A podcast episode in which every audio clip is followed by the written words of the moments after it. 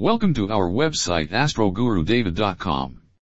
Psychic Reader is an astrologer, which provides information about your future through the lines on your hands or through the crystal ball. It is a part of astrology only. In this, a special person studies the lines on your hands. If you also want to know your fate in detail, then without delay meet our psychic reader in Saskatchewan who is our Astroguru Deva Ji. Our Pandit Ji can remove all kinds of problems and troubles from your life. Our Pandit Ji is very scholar in this science. They have many such methods with which you can change your life. Call us at plus one four three seven four two two seven six six six. Thank you.